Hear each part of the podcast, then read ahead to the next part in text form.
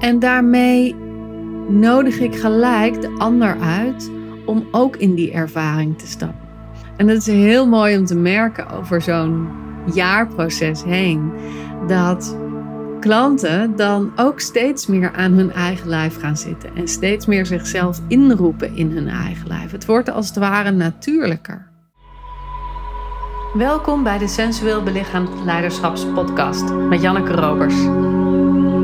Dit is de podcast voor vrouwelijke coaches en leiders die zichzelf willen bevrijden van eeuwenlange conditioneringen die hen klein houden. En de podcast die je ondersteunt in het ontwaken van je volle vrouwelijke potentieel. Welkom in mijn hoofd, hart en bekken.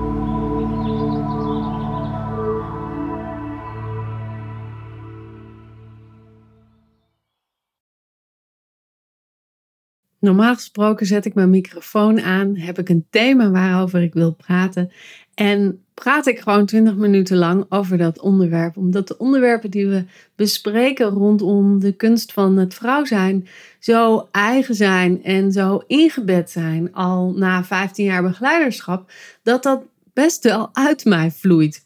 Maar ik ben deze podcast vandaag nou al drie keer begonnen en iedere keer start ik opnieuw.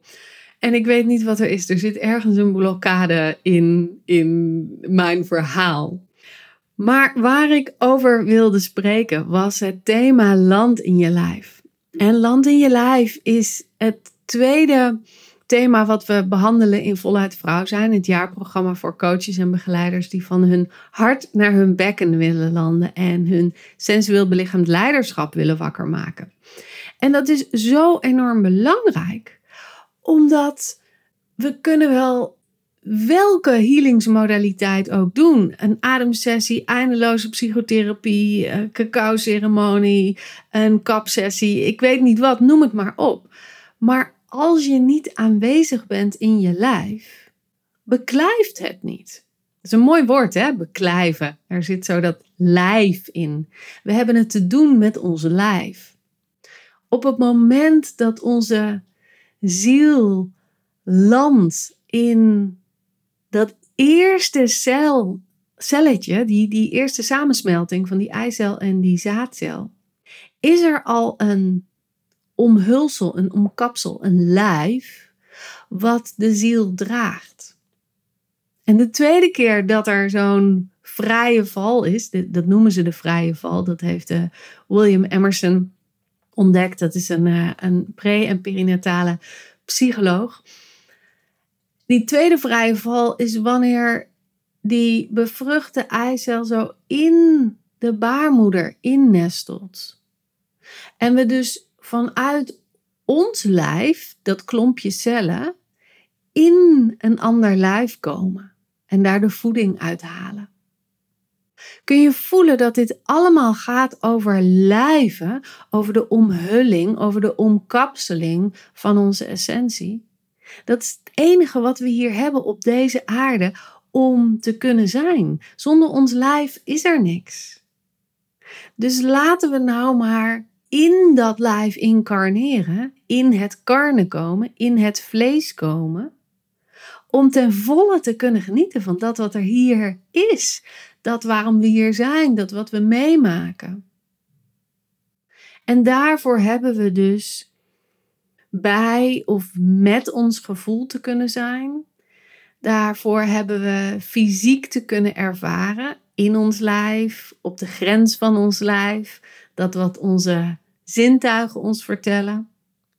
Maar we hebben ook met ons brein in het hier en nu te kunnen zijn. En dat zijn die drie verschillende lagen van landen in je lijf. Dus op de gevoelslaag, op de fysieke laag en op de mentale laag hebben we er allemaal te kunnen zijn. Zodat die essentie die aan de binnenkant zit, ten volle dat lijf kan gebruiken om haar ervaringen of haar leerprocessen of haar ontwikkeling of misschien wel alleen het genot van hier op dit leven, op deze aarde te zijn, te kunnen ervaren. En ik weet, ik vertel dit tegen mensen met ervaring in ontwikkelingspsychologie, ervaring op persoonlijke ontwikkeling. Misschien heb je wel heel veel trainingen gedaan, misschien ben je zelf wel een begeleider. Dus dit is wellicht niet nieuw voor je. Maar daadwerkelijk kunnen landen, dieper en dieper en dieper, is voor heel veel mensen nog wel nieuw. Of misschien niet nieuw, we doen het steeds op een laagje dat eronder zit. Steeds een laagje verder. Ik zag het ook bij mijn deelnemers. Er was iemand die zei tegen mij van ik heb heel veel trainingen gedaan, maar ik heb het gevoel alsof ik hier pas echt aankom bij wie ik zelf ben. Dat is toch magisch mooi? Want dan vallen al die andere dingen die geleerd zijn of die doorgemaakt zijn, ook in hun eigen vakje, in hun eigen perspectief. Ik zei aan het begin van deze podcast dat ik al drie keer opnieuw was begonnen en dat ik niet wist hoe dit, deze aflevering zou gaan lopen. En wat ik nou heb gedaan om dit wel te kunnen doen, is dus letterlijk landen in mijn eigen lijf. Dus mijn eigen billen op de stoel voelen, mijn rug tegen de leuning aanvoelen. Bewust zijn van wat er eigenlijk door mijn hoofd heen speelde. En dat waren gedachten als: ik moet een logisch verhaal hebben, ik moet een thema hebben, ik moet jou kunnen meenemen op waar ik naartoe ga. Het moet interessant zijn. Dus er moest een soort doel in zitten. En natuurlijk is het handig dat ik een doel heb als ik praat. Maar het voorleven van het landen in het lijf is nog veel belangrijker dan dat het verteld wordt. En misschien is dat wel precies waar het over mag gaan in deze aflevering. Hoe doe je dat nou? Hoe leef je nou zoiets voor? En dat kan ik natuurlijk alleen maar vertellen door zelf in te brengen hoe ik dat doe. En ik heb lange tijd lesgegeven vanuit het idee dat ik eerst een thema moest scheppen, eerst een, een beeld moest scheppen van waar de avond of de tweedaagse of de dag over ging. En dat we dan gingen starten. Dan zei ik dan vaak ook zo van, nou, laten we dan nu beginnen. Maar zo werkt het voor mij eigenlijk niet. Dus wat ik ook weer deze tweedaagse heb gedaan, is Zodra we in de cirkel zaten, eerst lijfwerk doen. Eerst aanwezig komen in dat lijf. En dan begin ik natuurlijk niet met het grote sensuele uh, lichaamswerk, maar dan beginnen we gewoon met het bekloppen van het lijf. Even een zelfmassage geven. Even de ruggen tegen elkaar en de connectie voelen met de ander. Even rollen over je mat en voelen dat er iets onder je is dat je draagt en dat de grens wakker maakt tussen je binnenlijf en je buitenlijf. Dat soort dingen. Gewoon fysiek kunnen landen. En wat gebeurt er als we dat doen? Dan gaat de spanning en de stress van de ochtend gaat eraf. Iedereen is met de auto gekomen. Het is altijd druk op de weg. Er zijn kinderen die naar school gebracht moeten worden. Er is een partner waar je nog even een gesprekje mee hebt. Er is ook nog een bedrijf dat gedraaid moet worden. Dus misschien zijn er VA's die aangestuurd moesten worden in de ochtend. Er is altijd drukte in de ochtend. En als je dan begint met lijfwerk, en dat geldt voor mij natuurlijk ook. Hè? Ik heb ook een dochter en een partner en een bedrijf. Dus ik kom ook aan met dat ik al wat in de ochtend heb gedaan. En natuurlijk probeer ik dat zo chill mogelijk te doen. Maar ja, het zit er gewoon in. Dus mijn energie kruipt ook omhoog in zo'n, in zo'n ochtendritme. En dus heb ik het ook nodig om eerst even te landen en aan te komen, zodat ik met mijn volle essentie en mijn volle aandacht er kan zijn.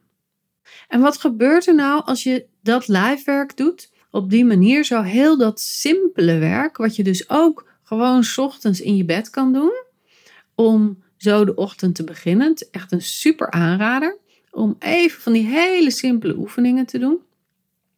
Het zorgt ervoor dat je zenuwstelsel ontspant, dat er even niet meer die beweging is die voorwaarts gaat, die voorwaartse beweging, het resultaatgerichte, de actiegerichte, maar dat het even naar binnen keert.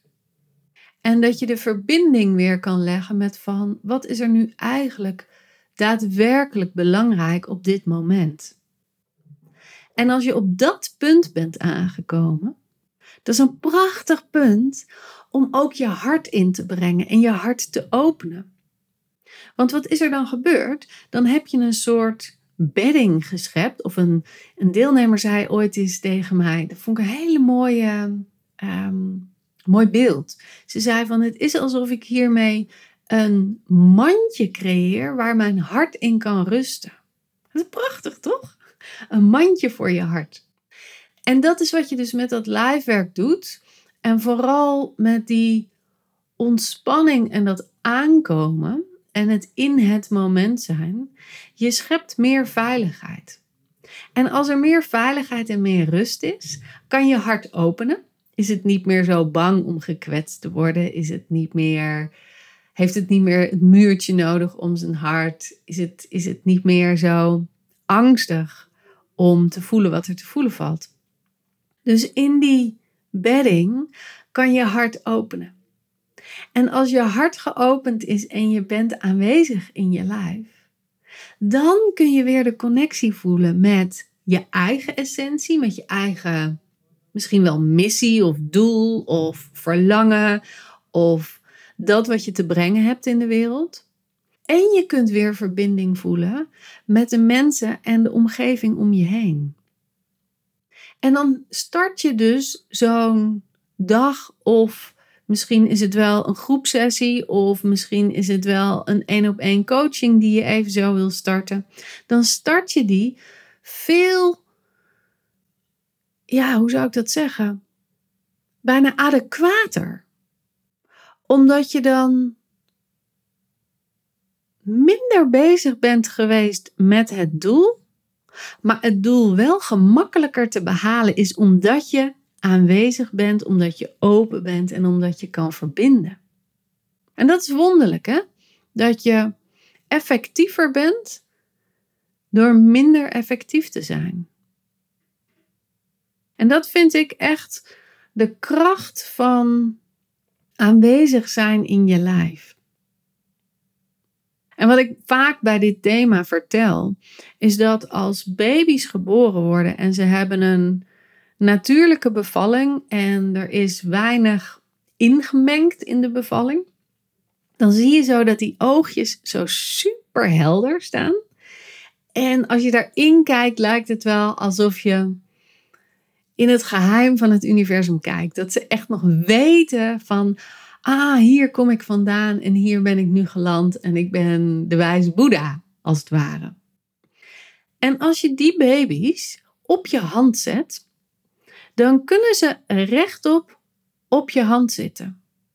Terwijl ze nog maar net geboren zijn. Een fractie van een seconde geboren zijn, je zet ze op, op je hand. Ik heb het gedaan bij mijn eigen dochter. En ze zitten gewoon.